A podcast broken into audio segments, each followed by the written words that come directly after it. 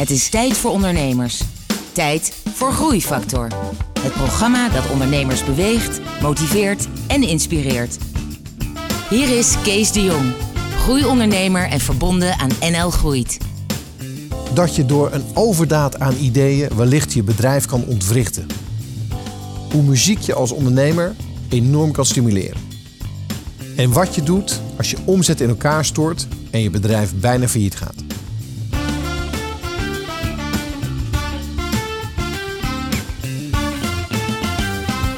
Hallo en welkom bij een nieuwe aflevering van Groeifactor. Het programma dat ondernemers beweegt, motiveert en inspireert. En weer met een openhartig gesprek hier op de bank met een inspirerende ondernemer, André Hagelen. Welkom. Ja, dankjewel. Jij bent onder andere van uh, Search and Results uh, en daarnaast doe je nog veel meer. Daar gaan we het zo over hebben. We gaan het hebben over je hoogtepunten, over je dieptepunten, uh, over je, je leerpunten en over hoe je denkt over de toekomst. Maar eerst gaan we luisteren naar Stevie Wonder. Groeifactor beweegt ondernemers.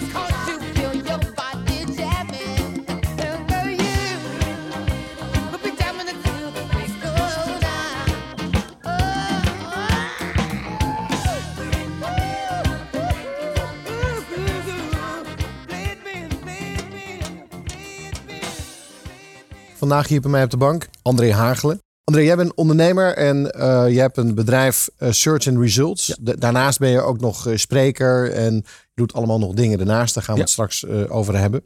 We gaan het hebben over jouw hoogtepunten, leerpunten, ondernemersinzichten en nog meer. Maar ik wil beginnen eigenlijk met hoe jouw bedrijf is begonnen. Want dat is begin jaren 90. In 1989 denk ik. Hoe is het bedrijf begonnen? Ja, bij toeval denk ik. ik had een heel goed idee. En ik dacht van het idee, nou dat moet ik eens gaan toetsen. Uh, en dat was een idee om, in die tijd had je uh, nog mailingen, weet je wel. Die brieven die per post verstuurd werden naar bedrijven. En er werden toen heel veel mailingen door bedrijven verstuurd. En toen dacht ik van ja, weet je, eigenlijk worden er zoveel brieven verstuurd die, die zinloos verzonden worden. Kunnen we dat niet combineren? En kan je niet gezamenlijk met meerdere bedrijven één mailing maken waar het inhoud van meerdere in zitten? En dat idee had ik. Uh, daarmee ben ik naar een bank gegaan. Want er zouden meerdere financiële instellingen aan dat uh, product mee moeten doen. En tegen die bank heb ik gezegd, uh, dat was het eerst was de Rabobank, zei moet je horen, dit is het idee. En ABN, AMRO, doet mee, Robeco doet mee en die doet mee, doe je ook mee. en in ieder geval, het, mooie was, want het was natuurlijk hondsbrutaal. Ik had nog geen bedrijf of wat. En ABN dacht van nou, ja, oh, ja, dan doen we waarschijnlijk wel mee. Ja, we zullen het dus overwegen. En vervolgens hup, naar de Rabo toe. Nou, ABN doet mee, Robeco doet mee. En voor ik het wist had ik klanten, zeg maar. En daar schrok ik wel van, want ik had nog geen bedrijf. Uh, en toen dacht ik, nou, ik moet nou maar doorzetten. en uh, dus voor ik het wist was ik ondernemer. Niet eens zo heel bewust bedoeld, maar het stond er wel. En uh, zo ben ik ooit begonnen. En, en hoe oud was je toen? 26. En toen was je net klaar met je studie en je werkte? Ja, ik werkte bij een, bij een bedrijf inderdaad. Uh, ik moest even het leger nog in natuurlijk naar de studie. Eén jaar gewerkt en toen ben ik voor mezelf begonnen. Oké. En, en kom je uit een ondernemersnest? Mm, niet echt. Mijn vader is wel altijd uh, wat hoge posities binnen bedrijven gehad. Dus ik vond dat erg inspirerend wat hij deed en hoe hij uh, met, met kansen en problemen thuis kwam. Dus ik denk dat ik daaruit van wel meegenomen heb. maar het is niet echt een ondernemersnest. Nee. Maar had jij het gevoel dat je altijd wel ondernemer wilde worden? Zat daar een soort drang achter? Nee, eigenlijk gold bij mij dat ik pas op latere leeftijd, misschien als ik toen ik 19 was, uh, ontdekte dat als ik een idee had en ik ging dat doen, dat het ook lukte. En dat ik dingen in beweging kon krijgen die er heel niet waren. Dat vond ik eigenlijk hartstikke leuk. Dat begon heel klein met, met feestjes organiseren of dat soort zaken. En uh, op een gegeven moment liep het door naar het eindexamenfeest voor 300, 400 man. En en ja, dat vond ik eigenlijk zo belonend om iets te doen wat er niet was en een beetje te duwen en te trekken. Uh, maar ik had nooit gedacht dat is ondernemend of zo. Ik vond gewoon, ja, je hebt een leuk idee, ik ga doen. Ja. En uh, dat is iets wat ik tot op de dag van vandaag heel plezierig vind. Als ik een idee heb, om het dan direct handen en voeten te geven en te gaan doen en te kijken of het werkt. Ja. Maar eh, ik denk dat voor de mensen nog niet helemaal duidelijk is uh, wat, je, wat je toen deed en wat je nu doet. Want toen, dat was het bundelen van die diverse mailings. Maar nu heb je een bedrijf dat heet Search and Results. Ja. En dat is een grotendeels een business-to-business callcenter. Nou, wij zijn vooral gespecialiseerd. Wij doen acquisitie voor bedrijven. Uh mhm. -huh. Daarin speelt de telefoon een belangrijke rol. Want wij zien dat als een heel ik sloeg hem, ik sloeg hem wat te plat, uh, ja, André, sorry. Maar uh, wat ik destijds begon met die mailingen had te maken met acquisitie. En eigenlijk is uh, alle bedrijven die ik opgericht heb, een stuk of vier, vijf, hebben allemaal te maken met acquisitie. Dus het werven van klanten of het behouden en vergroten van bestaande klanten. Oké, nou dan gaan we straks verder praten over hoe je bent begonnen tot waar je nu bent, hoe je dat hebt af, uh, ja, afgelegd. Leuk. En met name rondom het thema van, uh, van acquisitie, waar je ook nog eens een keer een uh, bekende spreker over bent. Ja. daar gaan we straks naar luisteren. Eerst even muziek. I like to dedicate this to all of the Creator's righteous children. I have some food in my bag for you. Not that edible food, the food you eat. No, I have some food for thought. Since knowledge is infinite, it has infinitely fell on me. So, um, it was a stormy night. You know the kind where the lightning strikes.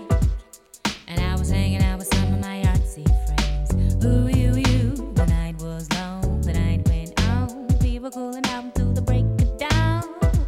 Incense was burning, so I'm feeling right.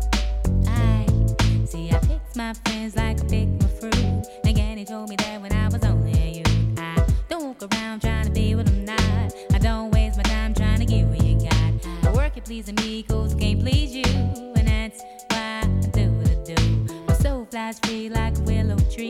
Do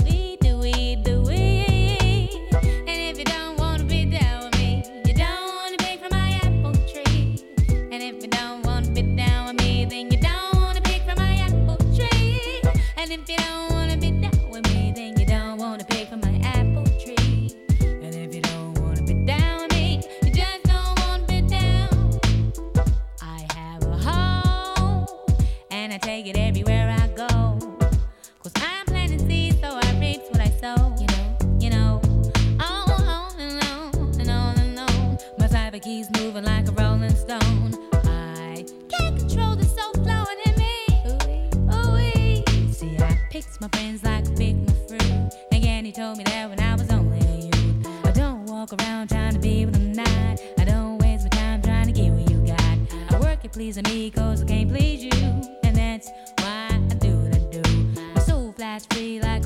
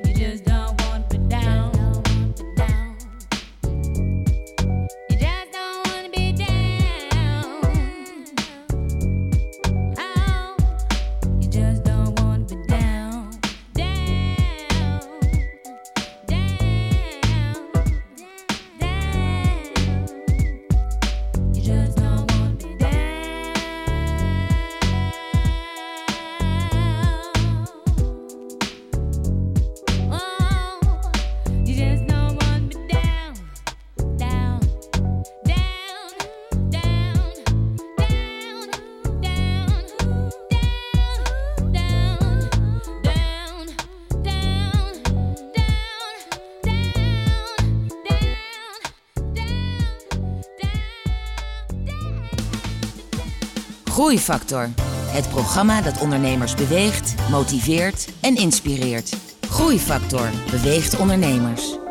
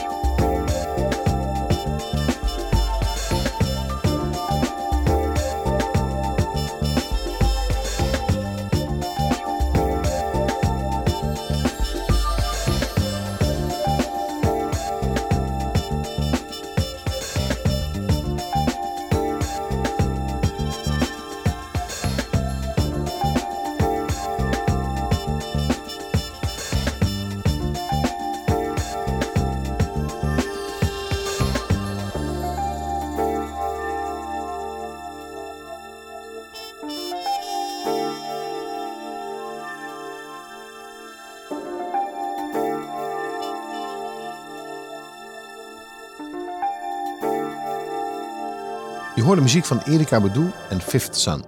Eh, ik zit hier op de bank eh, met André Hagelen, eh, oprichter van Search and Results. We gaan even terug naar de jaren negentig. Ja. Je had geen ervaring als ondernemer. Je had geen kapitaal. Je had, je had alleen maar een idee en een paar klanten. Hoe, hoe Ja. heb je daar iets van gemaakt? Ja. Hoe heb je daar een bedrijf van gemaakt? Ehm, als ik dan terugdenk, moet ik af en toe wel eens een beetje erom lachen ook hoe het dan ging. Ik heb toen dat bedrijf QC genoemd. En eh, eh, in het logo stond QC voor vier dingen. Eén is quality cards, dat was de combinatie van die meningen. Maar ik dacht, nou, dat is wel heel weinig. Ik wilde er ook quality course in hebben. Dus dat zijn dan verkooptrainingen. Quality concept, een soort con- consultancy. En ik had nog iets erbij. Ik ben helemaal vergeten wat het was. Maar in ieder geval, ik had er zo meteen vier bedrijven van gemaakt. En dat stond, eh, dat stond heel stoer, vond ik. Voor de quality group. De had je- quality group, quality control, die zat er ook bij. Dat was ja. Maar de grap is wel dat achteraf gezien ik al die vier bedrijven heb opgericht. Dus een soort, eh, in een soort opwelling, hey, eh, bij het bedenken van een logo en naam, nou, dat moet toch wat meer worden. Eh, heb ik daar vier namen achter gezet en uiteindelijk zijn het ook gewoon vier bedrijven geworden. Dus dat is wel grappig. Maar wat ik wel wist, want dat was iets wat mij dreef, is dat als ik keek naar hoe bedrijven een acquisitie deden, dacht ik, ja, dat moet veel slimmer kunnen, dat moet anders kunnen. En hoe weet ik dat dan? Nou ja, ik werkte bij, in de loondienst dat jaar bij een bedrijf in eh, automatisering. Kwam bij veel bedrijven binnen als verkoper. En daarin zag ik van ja, weet je, het hele acquisitiegebeuren overal is iets wat beter en slimmer en anders kan. Dacht ik. Maar nou ja, dat was mijn startpunt.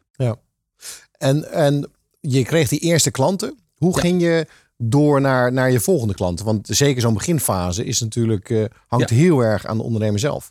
Nou, zeker. En ik weet ook dat eh, de eerste mailing die ik verzond namens eh, die banken was een groot succes. En daar verdiende ik meteen een behoorlijk eh, bedrag mee. Eh, dus ik denk, nou, kat in het bakje, ik ga door. Maar toen bleek ook wel dat de tweede uitgave veel moeilijker werd. Dus eh, toen werd het beuken en knallen. Ja. En, en doorzetten. Maar dat is gelukkig gelukt. We hebben die mailingen in verschillende segmenten uitgegeven. En, en van daaruit ontstond eigenlijk ook het volgende bedrijf meteen omdat bij het verzenden van al die mailingen maakten we heel veel gebruik van adressenbestanden. Adressenbestanden die wij huurden waren inhoudelijk slecht. Dus wij kregen enorm veel retouren terug en mensen die overleden waren. En ik vind wat je doet, moet je proberen goed te doen. Dus ik bleef zoeken naar betere producten op dat vlak. En kwam toen in contact met een samenwerkingsverband van een aantal grote bedrijven. Die bij gebrek aan kwaliteit zelf een adresbestand up-to-date hielden. En toen vroeg ik, joh, en het waren twee klanten van mij kan ik dat niet gebruiken en kan ik dat niet eh, op de markt aanbieden? Want er is veel behoefte aan goede adresbestanden. Nou, en om lang verhaal kort te maken, dat mocht ik doen. En, eh, en daar is eigenlijk wel een heel erg leuk verhaal uitgekomen. Want ik was nog, nog steeds alleen. En ehm, eh, ik zat inderdaad een soort op een Je had nog zolderkamer. geen medewerker. Ik had nog geen medewerkers. Dus ik deed die, die mailing, verkocht die advertenties in die mailing, zeg maar. En opeens had ik letterlijk het beste bestand van Nederland eh, in mijn handen. En mocht dat gaan verhuren. Dus ik weet nog goed, ik rijd naar huis toe. Ik bel mijn vrouw Chris op, toen nog mijn vriendin. Ik zeg, lieve, dit is geweldig. Ik heb het beste bestand. En nu gaan we echt, eh, nu gaan we los. Dit wordt het helemaal. Maar ik had één probleem. Ik had eigenlijk geen geld. En ik was alleen, dus hoe moet ik dat gaan doen? En wat ik toen gedaan heb, is ik heb eh 100 bedrijven geselecteerd. Waarvan ik wist dat ze op grotere schaal gebruik maakten van adressen. En die heb ik vervolgens allemaal een mailing gestuurd over het zogenaamde gouden adressenbestand. En ik weet nog goed, ik deed op maandag eh, die mailing de deur uit, 100 brieven. En op dinsdagochtend om 8 uur zat ik op kantoor om de respons op te volgen. Want ja, die zou natuurlijk overweldigend zijn met zo'n goed bestand. En, eh, en wat er ook gebeurde, eh, er, ge- er gebeurde helemaal niks. Ik denk, hoe kan dat nou joh? En toen dacht ik, ach natuurlijk, 48 uur bezorging. Die respons komt morgen pas. Dus ik de volgende dag uiteraard weer vroeg op kantoor en weer geen respons. En ik denk, nou... Dus ik heb de maandag erop ze alle 100 weer een brief gestuurd. En weer vroeg op kantoor en weer geen respons. En dan ben ik blijven herhalen, waarbij ik wel elke keer de inhoud van die mailing voor die mensen, naar mijn mening althans, zinvol maakte. Dus ik bracht zo'n stukje content. En na zeven mailingen moet je nagaan eh, eh, hoe irritant ik misschien zelfs wel was. Maar na zeven mailingen, ik kan, zal het nooit vergeten, belde Miset uitgeverij in. En die zegt, ik wil een test doen met die adressen voor jou. En die bestelde meteen voor 30.000 gulden destijds aan adressen. Ik was meteen uit al mijn kosten. Ik was eh, fantastisch, was geweldig. Dus ik bel die man op. Ik zeg, nou, ehm, geweldig. Eh, kan je mij vertellen ja, hoe je aan ons gekomen bent? Ik was nog steeds alleen. Hè, want zo bekend zijn wij nog niet. En toen gebeurde iets bijzonders. Want hij zei, nou, zegt hij, dat valt wel mee. En wat bleek nou? Destijds had je eens per jaar het Dirk Maarten congres in Maastricht. En daar kwamen alle cracks bij elkaar, alle toppers. En daar staan op een gegeven moment zeven man aan het tafeltje. En die staan met elkaar zo te praten. Op een gegeven moment zegt de een... Ja, ik krijg de laatste tijd allemaal brieven van QC Direct Marketing. Zeg je dat wat? En vier man aan die tafel. Ja, ik ook. en die hadden een soort... En dat bleek toevallig in mijn mandje van honderd te zitten. En die hadden de indruk dat QC een soort enorm bedrijf was. Die heel Nederland aan het overspoelen was met mailingen. Waardoor we een enorme naamsbekendheid kregen en productbekendheid. En eh, dat vond ik eigenlijk prachtig. Dus ik ben doorgegaan met die 100 bedrijven. En binnen twee jaar had ik daar 30 bedrijven als klant. En ook goede klanten, want het waren allemaal bedrijven die op grote schaal gebruik maakten van dit gebeuren. Nou, dit verhaal en deze anekdote is nog steeds de essentie hoe wij werken. Wat wij doen met bedrijven, hoe we ze helpen om veel meer uit hun acquisitieproces te halen, is om echt keuzes te maken en te zeggen welke bedrijven zijn echt interessant voor me. Daar bouw ik een database van op en daar wil ik wereldberoemd worden. Ja. En dat betekent dat je niet heel Nederland eh, hoeft te bewerken om je business aan de man te brengen, maar door slimme keuzes te maken, te focussen op de doelgroep die echt interessant voor je is. Dus als ik het zo mag beschrijven, dat was jouw doorbraakmoment. Ja. En, en, en toen in die twee jaar, eh, of daarna ben je ook mensen gaan aannemen en heb je je eerste stappen gemaakt Ja. als ondernemer. Daar gaan we straks naar luisteren. Eerst muziek van Bill Withers en Underworld.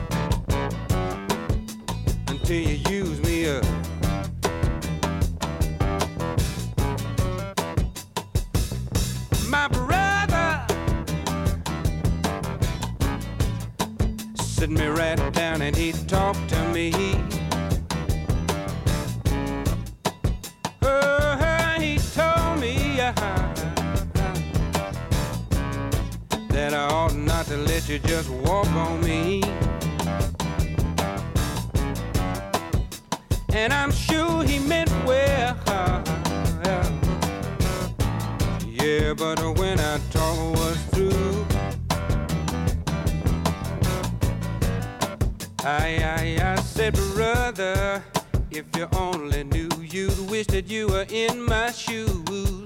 You just keep on using me until you use me up.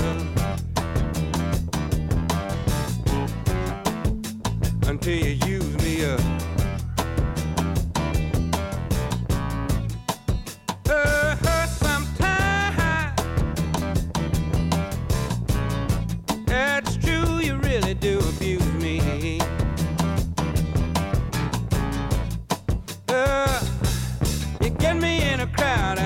Class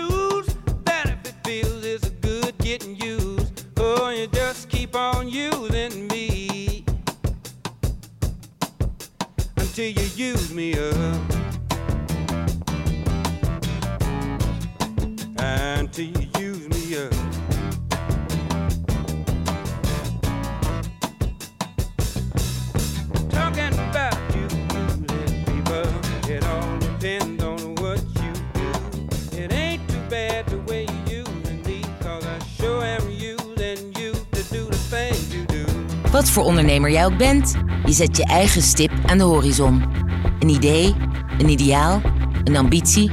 Groeifactor helpt je daarbij, zodat je persoonlijk en zakelijk vooruit kunt. Groeifactor beweegt ondernemers.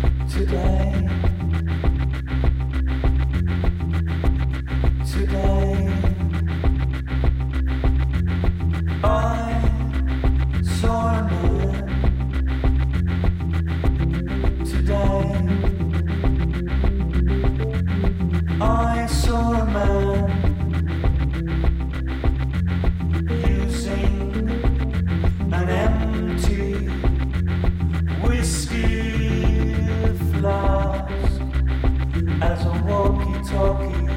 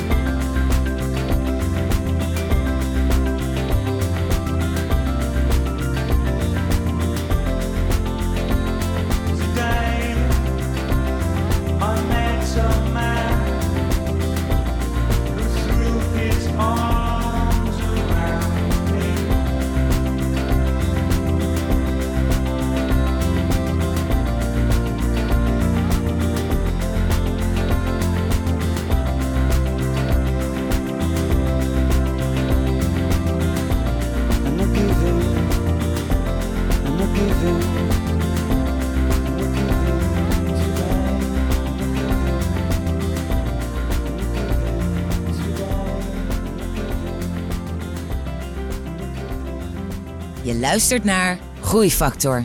André, je hebt net verteld eh, zeg maar, wat jouw doorbraakmoment was. Hè, waarop met name al die grote klanten dachten dat jij al een heel groot bedrijf was. Terwijl je in je eentje op dat zolderkamertje ja, zat. ja, ja, ja. Eh, vanaf toen is het gaan lopen. Ja. En toen moest je mensen gaan aannemen. Ja. Toen moest je een kantoorruimte zoeken. Toen, toen was het opeens voor het echi. Ja. Hoe, hoe heb je die fase ervaren? Ja, eh, spannend en één groot avontuur. Ik weet, ik ben eerst bij een kantoor mijn vader ingetrokken. Tot we met vier, vijf man zaten. En toen heb ik een kantoortje gehuurd ergens. En eh, zo zijn we eh, door toeval steeds stappen, hebben we stappen voorwaarts kunnen maken. En, en waar hebben we het nu over? Welke tijdsperiode? Ja, dan heb ik het over eh, eh, 92, 93, die kant op. Ja, dus er bestonden we inmiddels drie, vier jaar die kant op. En ehm, eh, een van de dingen, ik vertel net over die adressen, waar wij met vooral heel veel markt mee gewonnen hebben destijds, is dat we heel veel deden met doelgroepanalyses. Dus heel goed kijken welk segment in de markt ehm, reageert, nou respondeert goed op jouw mening, welk segment doet het niet goed. En dat was destijds, werd het heel beperkt toegepast en wij waren er heel sterk in. Eh, en logischerwijs kregen we ook de vraag, maar hey, hoe komt het nou dat ik daar heel goed score en hoe komt dat ik daar slecht score? En vanuit die invalshoek kregen wij te maken met telemarketing. Gewoon bedrijven bellen om te kijken wat gebeurt er eigenlijk. Ja. En eh, een van de bedrijven waar ik destijds veel onderbracht was Search Results Telemarketing. En daar heb ik toen tegen gezegd van jongens, eh, ik kan veel meer business bij je onderbrengen. Eh, maar dan wil ik wel een aandeel in het bedrijf hebben. En Ja. eh, dat is toen gebeurd. En zo ben ik eigenlijk ook in het wereldje terechtgekomen van het bellen, zeg maar. Ah, Oké, dus je hebt uiteindelijk Search and Results heb je een aandeel verkregen. Ja. En vervolgens heb je grotere stukken van dat bedrijf eh, gekocht. ja. En hoe verhoudt zich nu dan het, het mailen versus het bellen? Is dat nu eigenlijk in één organisatie terug? Ja, we hebben in 2004 eh, eh, hebben we een hele slechte periode gehad. Alles ging mis wat mis kon gaan. Dat was na de internetbubbel en die, die ging op een gegeven moment ook kwam die bons door. Je snapt natuurlijk wel dat we het daar gewoon uitgebreid over gaan hebben. Daar gaan we het uitgebreid over hebben, ja. ja. En ehm, eh, toen hebben we de bedrijven samengevoegd. Toen hebben we eigenlijk de database analyses, het, het callcenter werk, oftewel het, het acquisitiestuk en eh, een stuk strategie in één bedrijf samengevoegd. En dat is nog steeds het huidige bedrijf. Maar voordat we naar die, naar die crisisperiode gaan, ehm, daarvoor zat een periode van hele sterke groei. Ja. En dat is natuurlijk het meest fantastisch om mee te maken als ondernemer en als, en als bedrijf. Ja. Wat waren de belangrijkste eh, redenen achter die enorme groei bij jou? Mm, ik denk eh, dat mijn drijfveer altijd is en nog steeds is om te kijken hoe iets anders en beter kan. En eh, als ik bijvoorbeeld in het callcenter keek waar destijds aandeel in kreeg. ik ben een groot fan van gespreksstrategie en gesprekstechnieken. Ik ben erg geïnteresseerd in wat woorden doen met je onbewuste brein en daarmee hoe je reageert.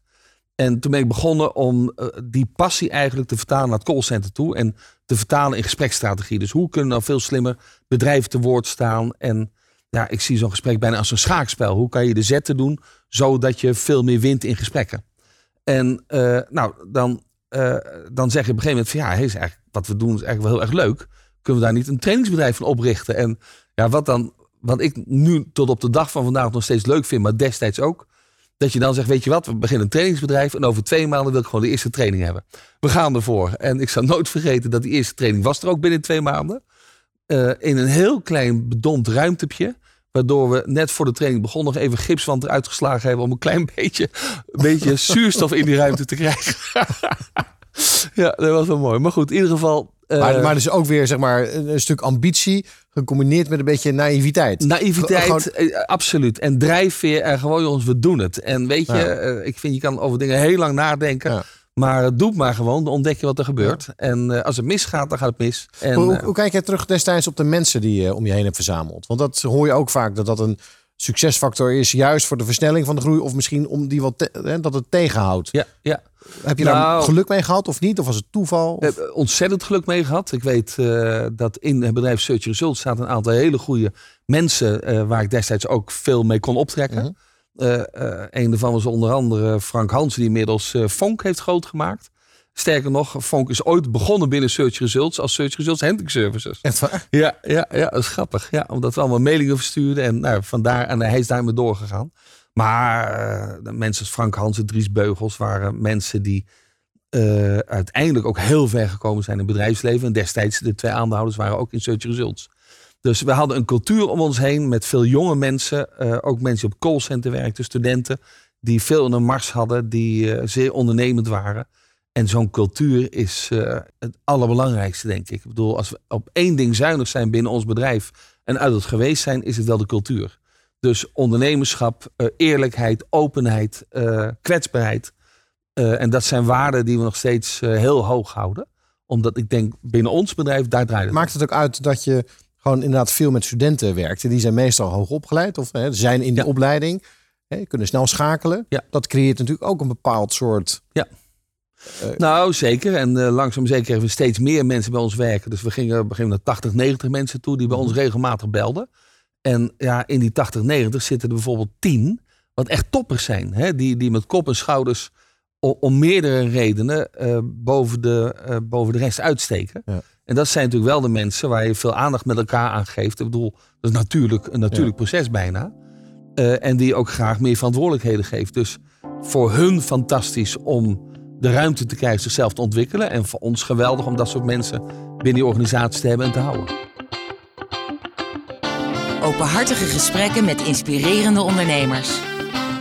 Je luistert naar Groeifactor.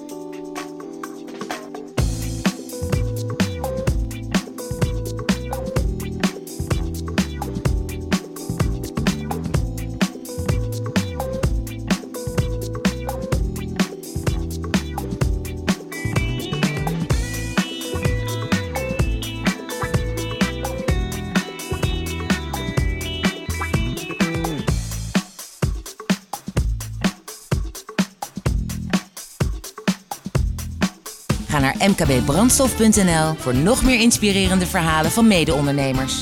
Groeifactor beweegt ondernemers.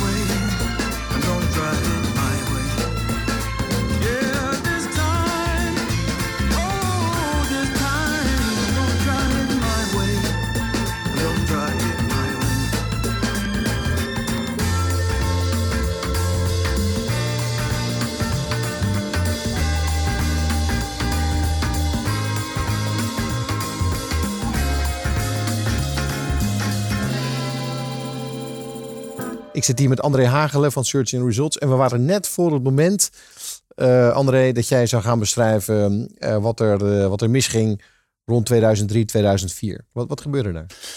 Ja, ik heb sinds ik on- ondernemer ben het drie keer meegemaakt dat het opeens wegzakt. En, het Was dit de eerste keer? Dit was de eerste keer, ja. En ik moet zeggen dat je ziet dat niet aankomen. Dat komt zo snel eh, dat opeens alles misgaat. Ik heb het niet aankomen, laat ik het zo zeggen. En wat destijds gebeurde is dat, ik weet, wij deden vrij veel voor World Online met eh, Nina, hoe heet ze ook weer? Brink? Nina Brink. Eh, en dat viel in één keer weg. Dat was een behoorlijke omzetklap voor ons. We hadden in het trainingsbedrijf een hele grote klant die erg veel business had gedaan. Maar opeens failliet ging, waardoor er opeens erg veel geld wegviel. Iemand die een belangrijke rol in het bedrijf speelde, kreeg de ziekte van Lyme. Die heeft een half jaar plat gelegen. Alles gaat opeens mis. En vervolgens ook door de internetbubbel viel, zakte de algemene omzet weg. En ehm, eh, ja, wat gebeurt er dan?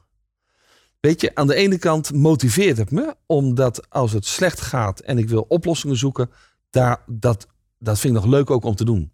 Aan de andere kant ehm, is het iets wat je fysiek eh, echt iets met je doet. Als het slecht gaat met bedrijf, je ziet je financiën wegzakken, je moet mensen ontslaan. Het is iets wat een behoorlijke druk eh, op je kan leggen. En ik heb wel eens meegemaakt dat Maar Echt. jij, jij stond er alleen voor, hè? Ook. Als, of had je toen meer, meerdere partners? Eh, partners nou, toen inmiddels waren we wel van vier eh, partners teruggezakt naar twee, zeg maar. Dus er waren al twee doorgestapt naar, naar de andere bedrijven toe.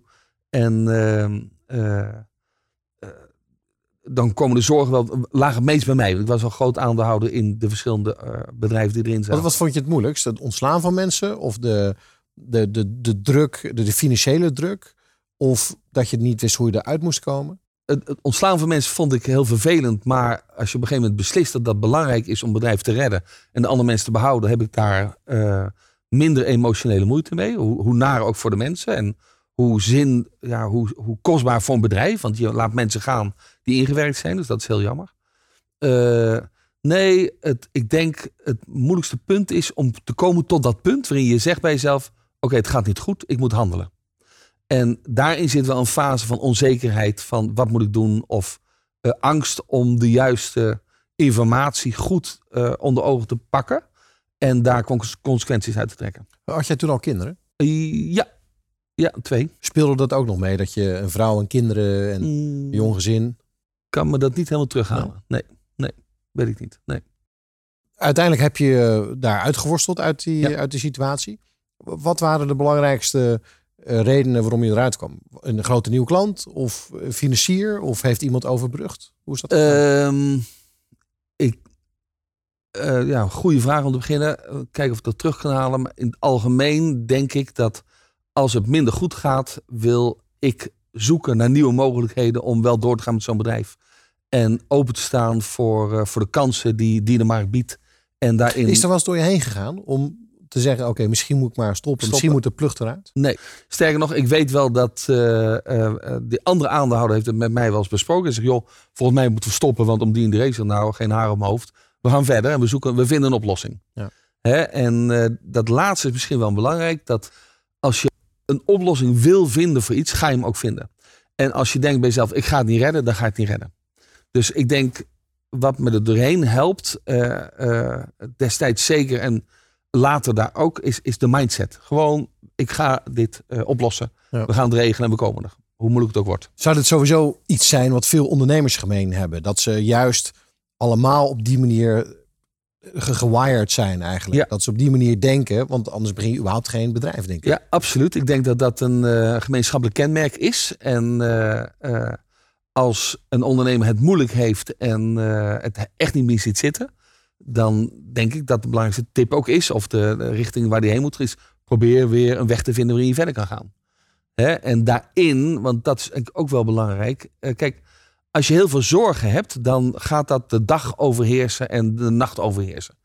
En eh, ik heb geleerd om dat soort zorgen, om te beginnen, niet je kop in het zand te steken, maar heel concreet te maken. Dus op papier te hebben, wat gebeurt met de cijfers, wat gebeurt met de omzet, hoeveel verlies maken we komende maand of wat dan ook. Dat heel concreet te maken, dat is één. En twee, om te zeggen, oké, eh, En heb je dat ook gedeeld binnen het bedrijf? Dus dat je daarmee ook met mate. Want dat is natuurlijk wel een spanningsveld. Ja. Als je het heel duidelijk maakt, in ieder geval voor jezelf. Ja. Misschien worden mensen, je managementteam wel daar heel erg eh, angstig door. Ja, ja nou, en daarbij geldt denk ik dat ook managementteam of medewerkers zijn niet gek te zien wat er gebeurt in een bedrijf als je, als je een mindere periode meemaakt. Dus het is belangrijk om open te zijn in wat je deelt. Eh, maar er zijn, ik denk niet dat, dat je al te, al te open hoeft te zijn. Dus als je denkt, oeh, het kan wel eens lastig gaan worden. Ik moet eens met de bank om tafel. Ik ben benieuwd wat ze gaan zeggen. Nou, dat soort dingen hoef je denk ik niet te delen. Nee. Dat moet je gewoon lekker bij jezelf houden, denk ik. Maar je, je bent uit die tijd, je bent daar weer uitgeklommen. Ja. En, en, en nogmaals, mijn eerdere vraag, was het dan door een grote nieuwe klant? Of was het dan, hé, je zei, ik, ik creëer, eh, Ik, ik denk van kostenvermindering op een lager omzetniveau weer balans vinden. Van daaruit weer bouwen. toen ben je gaan bouwen. Als je terugkijkt, ehm, wat is het allerbelangrijkste wat je daarvan hebt meegenomen, wat je daarna anders hebt gedaan? Nou, eh, om te beginnen zijn we, heb ik destijds besloten om van een onderneming een organisatie te worden. En eh, niet in alles een karttrekker te zijn, maar er mensen eh, voor in te huren. Maar, maar leg het nog eens uit, om van een onderneming een organisatie nou, te ja, worden. als ondernemer ben je de initiatiefnemer, de karttrekker en degene die iedereen inspireert, om het zo te zeggen, en de beslissingen neemt om het plat te maken. Dus als je organisatie wordt, dan krijg je mensen die dat voor je doen en die hun beslissingen moeten gaan nemen. En eh, daar hadden we eh, in, En heb je het dan ook meer met zelf, zelfsturende teams? Met, want dat is nu wel heel hip. eh, Ja, tijd. managers vooral. Managers. En in, de, in de sterke groeiperiode van de jaren daarvoor hadden we geen management, maar allemaal, mensen die iets gingen doen. En, op basis van enthousiasme en leuk, wat geweldig. Maar dat waren geen managers. Maar langzaam werd het bedrijf, ja, dat ging naar 90, 100 man toe. En dan moet je, tenminste, part-time mensen en vaste mensen totaal. En dan moet je echt naar managers toe. En dan ga je mensen aantrekken die het bedrijf kunnen managen. Ja. En dat is voor mij ook wel best wel een, een proces geweest waar ik in moest groeien omdat je ja, dan de dingen los moet laten en eh, eh, moet voorkomen dat, dat je met dingen gaat bemoeien. Dat, dat is vaak inderdaad een, een, een kantelpunt, Kantelpunt, een organisatie waarin je als meewerkend voorman eigenlijk manager en dan misschien leider wordt van je bedrijf. Ja. Ik wil heel graag ehm, eh, van jou horen wat je daarin hebt geleerd en ook zeg maar de fases die daarna zijn gekomen. Ja. Ehm, maar eh, ik wil weer naar muziek gaan luisteren, Ja. Eh, maar niet zomaar muziek. Maar jij hebt ook, we hebben jou laten nadenken over welke muziek jou inspireert en, en helpt. Ja. Ehm, en waar ben je op uitgekomen? Nou, ik heb gekozen voor Saint-Germain. Een, eh, een CD Tourist, een oude CD inmiddels. eh, al een jaar of tien oud misschien. Maar nog steeds wereldmuziek. eh, Die ik iedereen kan aanbevelen. Oké, dan gaan we nu even naar luisteren naar een van de mooiste stukken van de CD Tourist van Saint-Germain.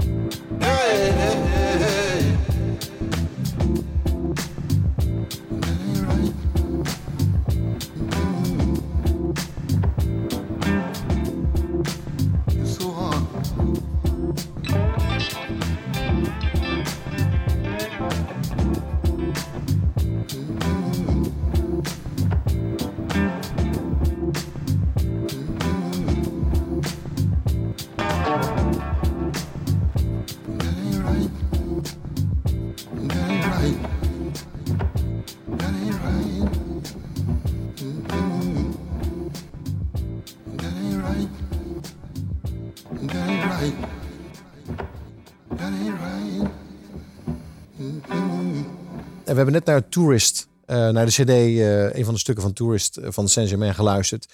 En, en je noemde al eerder, ook in, in- tijdens dat we luisterden, naar wat muziek voor jou kan doen. Ja. Dat het heel erg jouw stemming beïnvloedt en dat je soms heftige muziek nodig hebt en soms juist weer klassieke muziek. Ja.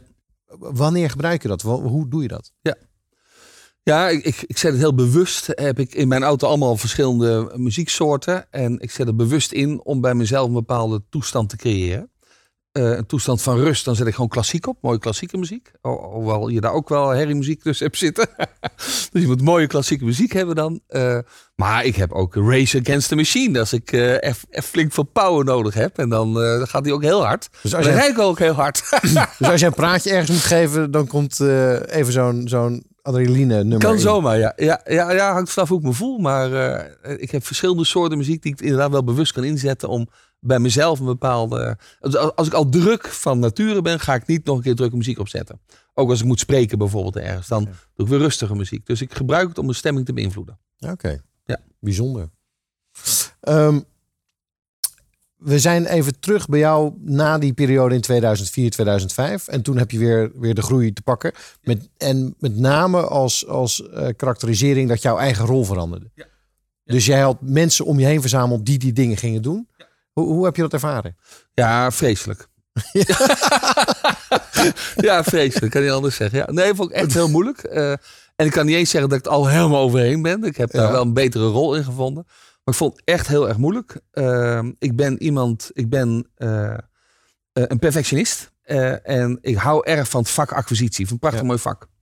En wat ik geleerd heb, is dat het plafond van mijn bedrijf niet bepaald wordt door wat ik weet en ervaar en aan inspiratie opdoe. Maar het wordt bepaald door het niveau van de mensen. En ik, heb hele goed, ik ben heel erg blij met de mensen die bij ons werken, nog steeds. Eh, maar door de dingen die ik doe en de plekken waar ik kom, eh, doe ik veel meer inspiratie op dan wat zij zouden kunnen doen. Ja.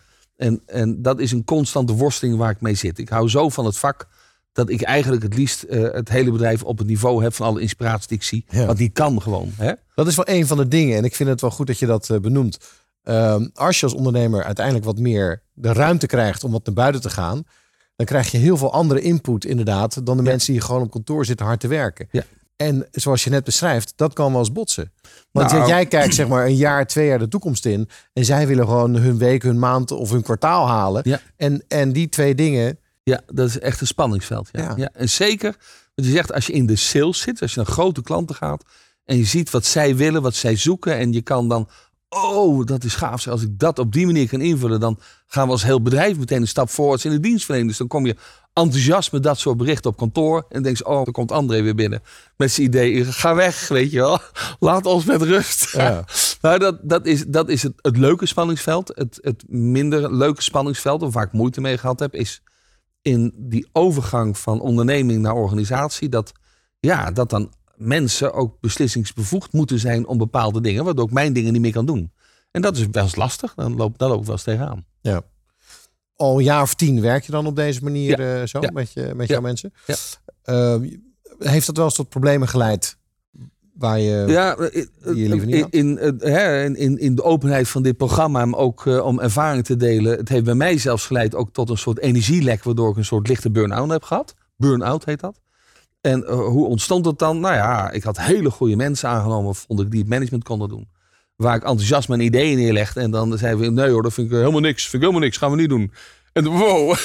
en, dan, en dan moet je heel erg zoeken naar je eigen rol. Omdat je ook gaat twijfelen van, ja, maar wacht even, hoe zit het hier eigenlijk? ja, en, en bovendien, het was jouw bedrijf toch? Het was mijn bedrijf, maar ik had respect en waardering voor hun manier waarop de organisatie geleid moet worden. En ik snapte mijn, mijn zwakte van al die nieuwe ideeën en innovatie. Dus Ja. dat, dat is een soort spanningsveld. En ik heb er over, wel, nou, er wel een tijdje over moeten doen om daar goede balans in te vinden. Ja. En die balans heb ik ook gevonden. En die zit ook heel erg in, ja, al die nieuwe ideeën zijn heel belangrijk. Het, is het, het helpt ons bedrijf continu vooruit. Maar ik heb de aparte innovatieteams voor opgericht eh, om te toetsen of het werkelijk werkt. Of, hebben ze misschien, zijn ze gekomen met een maximaal aantal nieuwe ideeën dat je per maand eh, mag brengen? Nou, Nee, je, je gaf aan ehm, over een Search and Results is nu erg succesvol bedrijf. Je doet een paar miljoen omzet. Ja. Je, hebt, eh, je hebt 150 man, je hebt 25 man eh, in, je, in je vaste team zitten. Je hebt ehm, een fantastisch mooi nieuw pand in, Utrecht. in, in Utrecht. Ja. Ehm, maar dat is niet eh, een, een makkelijke weg geweest. Wat is in, in die weg van 2005 naar nu 2016? Kan je daar nog een aantal dingen uit noemen? Een aantal lastige periodes of misschien een aantal belangrijke leerpunten die je hebt meegenomen over die Ja. periode. het belangrijkste leerpunt wat eh, ik graag zou willen delen met, eh, met andere ondernemers is dat eh, de passie die je hebt voor je vak ook een gevaar is. Eh, ik heb zo'n passie voor het vak acquisitie. Ik heb er zoveel gevoel en plezier in. Gevoel voor en plezier in dat ik het liefst dat in mijn hele bedrijf doorgevoerd wil zien. En eh, dat leidt tot onrust. Dus eh, punt 1 is passie voor het vak is prachtig, maar pas op dat je het allemaal wil doorvoeren in je eigen bedrijf, want dan wordt het je hobby bij wijze van spreken. En dat vind ik een belangrijk leerpunt. Wat, Eh, wat is daar dan gebeurd? Dat is eigenlijk het voorbeeld wat je eerder gaf. Ja. Over dat je dus continu nieuwe ideeën hebt over het vak zelf. En dat uiteindelijk dat de, misschien de machine te veel ontwricht. Overload. Ja, ja precies. Ja. Oké, dat is een belangrijk inzicht. Dat is één. En de tweede is, eh, dan gaat het over de moeilijke periodes, als je die hebt. Dan zou ik daarin willen delen van ja, eh, eh, ik zie wel eens dat sommige ondernemers een kop in het zand steken. Of niet de problemen onder ogen durven zien. En dat heeft bij mij geleid tot bijna angstige nachten. Dat je in, in, in, het, in angstzweet wakker wordt omdat je eigenlijk niet weet hoe het zit. En wat ik daar voor mezelf van geleerd heb, en dat wil ik graag delen, is als je problemen hebt, maak ze heel concreet voor jezelf. Zet ze goed op papier. Weet wat er gebeurt en wat de gevaren zijn, al dat soort zaken. Dat is één. Maar twee, ehm, eh, geef die onderwerpen in je hoofd aandacht op vaste momenten. En dat moet ik even toelichten. Ik ben een groot voorstander van eh, het ontdekken van het onbewuste brein. Want dat beïnvloedt je te continu de hele dag. Je kan letterlijk tegen je onbewuste brein zeggen: Oké, ik heb een probleem met omzet en eh, mijn winstcijfers op dit moment. Eh, ik hoor je als probleem, maar ik wil vanmiddag om vier uur wil ik daarover gaan nadenken. Tot die tijd wil ik weer ondernemen en verder gaan met enthousiasme. En wat er letterlijk gebeurt, is dat je dat soort problemen echt even kan parkeren. En eh, wat ik daar krachtig aan vind, en waarom ik het ook heel vaak toepas, is dat als je dat niet doet, dan zeurt het continu in je hoofd. En is het van invloed op alles wat je doet. Luister hoe mede-ondernemers in beweging blijven en ontdek nieuwe wegen met Groeifactor.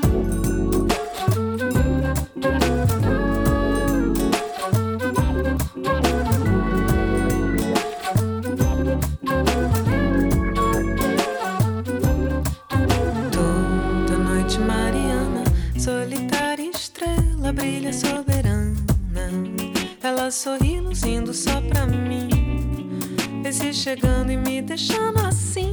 O dia passa, eu só na janela, desejando a noite e o carinho dela. Porque um momento só sem Mariana é treva, breu, escuridão. Sem fim, toda manhã no céu da minha cama. Solitária estrela sente seu sua chama, eu fico louco pra ela desaguar. A noite passa, eu acendo vela pra passar a vida toda perto dela.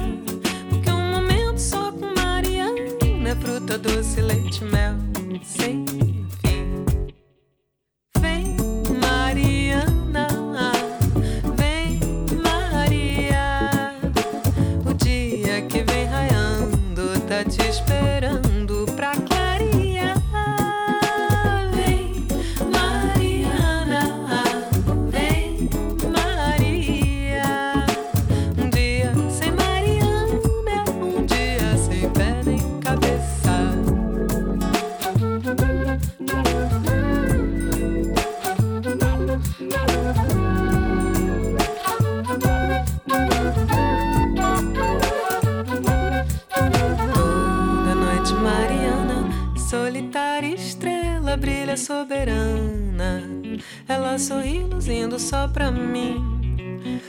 chegando e me deixando assim. O dia passa, eu só na janela, esperando a noite e o carinho dela.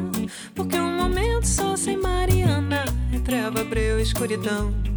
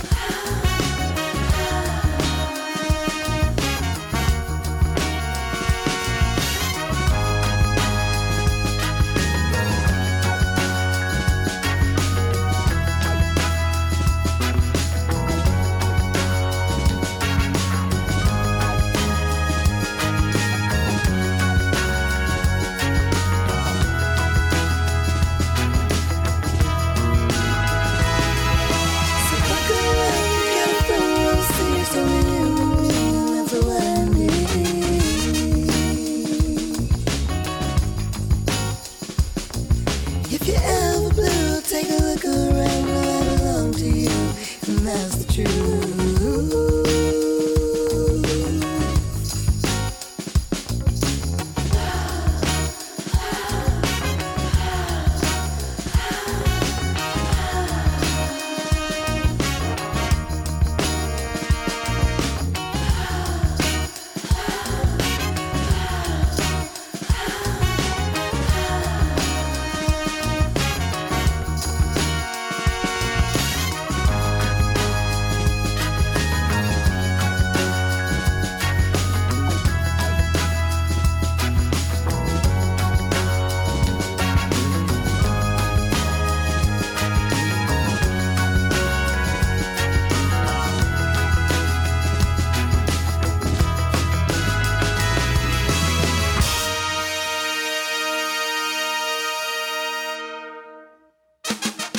Groeifactor inspireert ondernemers.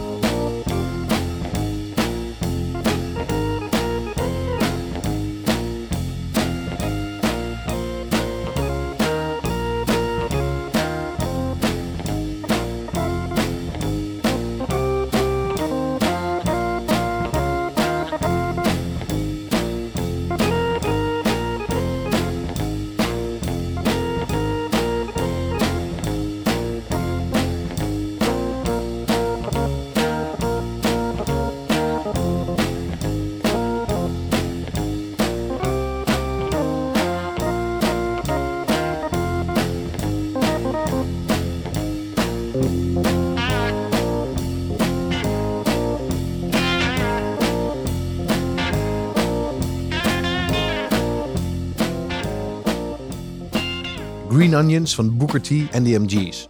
Ik ben in gesprek met André Hagelen. André, ehm, je bent ondernemer. Eh, We zijn erachter gekomen, je bent ook salesguru. En, en ook een eh, toeleverancier van spirituele inzichten kwamen we net achter. Oh, Eh, en, en je hebt nog een derde inzicht dat je ons, met ons wil delen. Ja, ja. ja wat ik ehm, ook heel erg leuk vind om te delen is dat, kijk, als ik als ondernemer heb ideeën die ontstaan in een periode van soms een minuut en soms maanden. Eh, maar dat zijn dingen waar je continu over nadenkt in de auto, s'avonds laat of als je s'nachts wakker ligt of wat dan ook. En zo'n beeld ontstaat langzaam maar zeker tot op een gegeven moment de puzzelstukjes bij elkaar vallen. En dan opeens heb je een plan wat ik wil introduceren in het bedrijf. Nou, daar gebeurt iets eh, wat niet eerlijk is naar de mensen die binnen zo'n organisatie werken. Dat is namelijk dat ik heb al maanden ergens over nagedacht en alle invalshoeken gezien.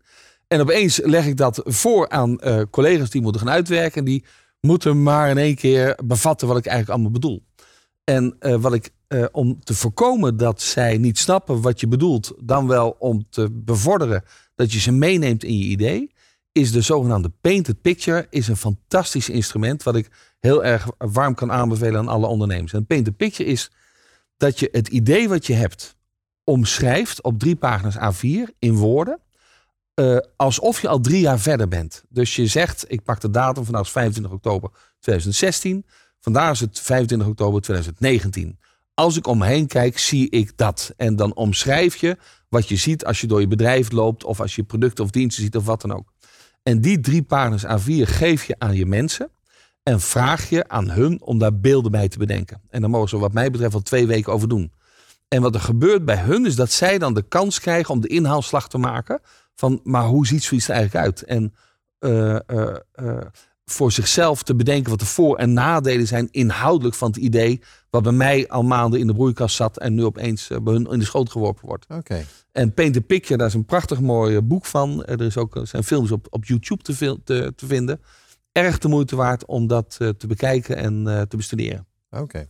Eh, ik, ik sluit normaal gesproken af met de vraag: welk laatste advies wil je eigenlijk nog geven? Nou, dat heb je al gedaan met die painted picture. Ja, mooi. Du- Dus mijn laatste vraag aan jou is: eh, ja, toch een beetje plat, maar eh, over tien jaar, waar, eh, waar sta sta, je dan? dan? Ja, hoe, Ja. hoe ontwikkel je jezelf? Ja, nou, dan hoop ik nog steeds zeer actief te zijn. Maar de laatste paar jaar doe ik steeds meer aan coaching van bedrijven op commercieel gebied. En dat vind ik zo verschrikkelijk leuk. Dus ik hoop dan eigenlijk het operationele bedrijf wel volledig overgedragen te hebben, waar ik nou ook hard mee bezig ben om dat te doen. En eh, heel veel bezig te zijn om eh, met een bedrijf samen te kijken hoe zij hun bedrijf commercieel gezien beter op, de picture, op, de, op het plaatje kunnen neerzetten. Dus betere doelgroepen, betere propositie en een betere aansturing van het hele salesproces. Oké. Dat vind ik heel erg leuk. Dus dan word je eigenlijk nog meer goeroe dan dat je al bent. Ik zou het erg fijn vinden als het lukt. Ja. Ehm, ik vond het een, eh, een eh, mooi interview, eh, André. En je bent erg openhartig geweest. En ik denk dat veel ondernemers daaraan iets hebben gehad. Leuk om te doen. Dank dat ik erbij mocht zijn. Dankjewel. En iedereen bedankt voor het luisteren naar deze aflevering van Groeifactor. Graag tot de volgende keer en nog een fijne dag. Ga naar mkbbrandstof.nl voor nog meer inspirerende verhalen van mede-ondernemers. Groeifactor beweegt ondernemers.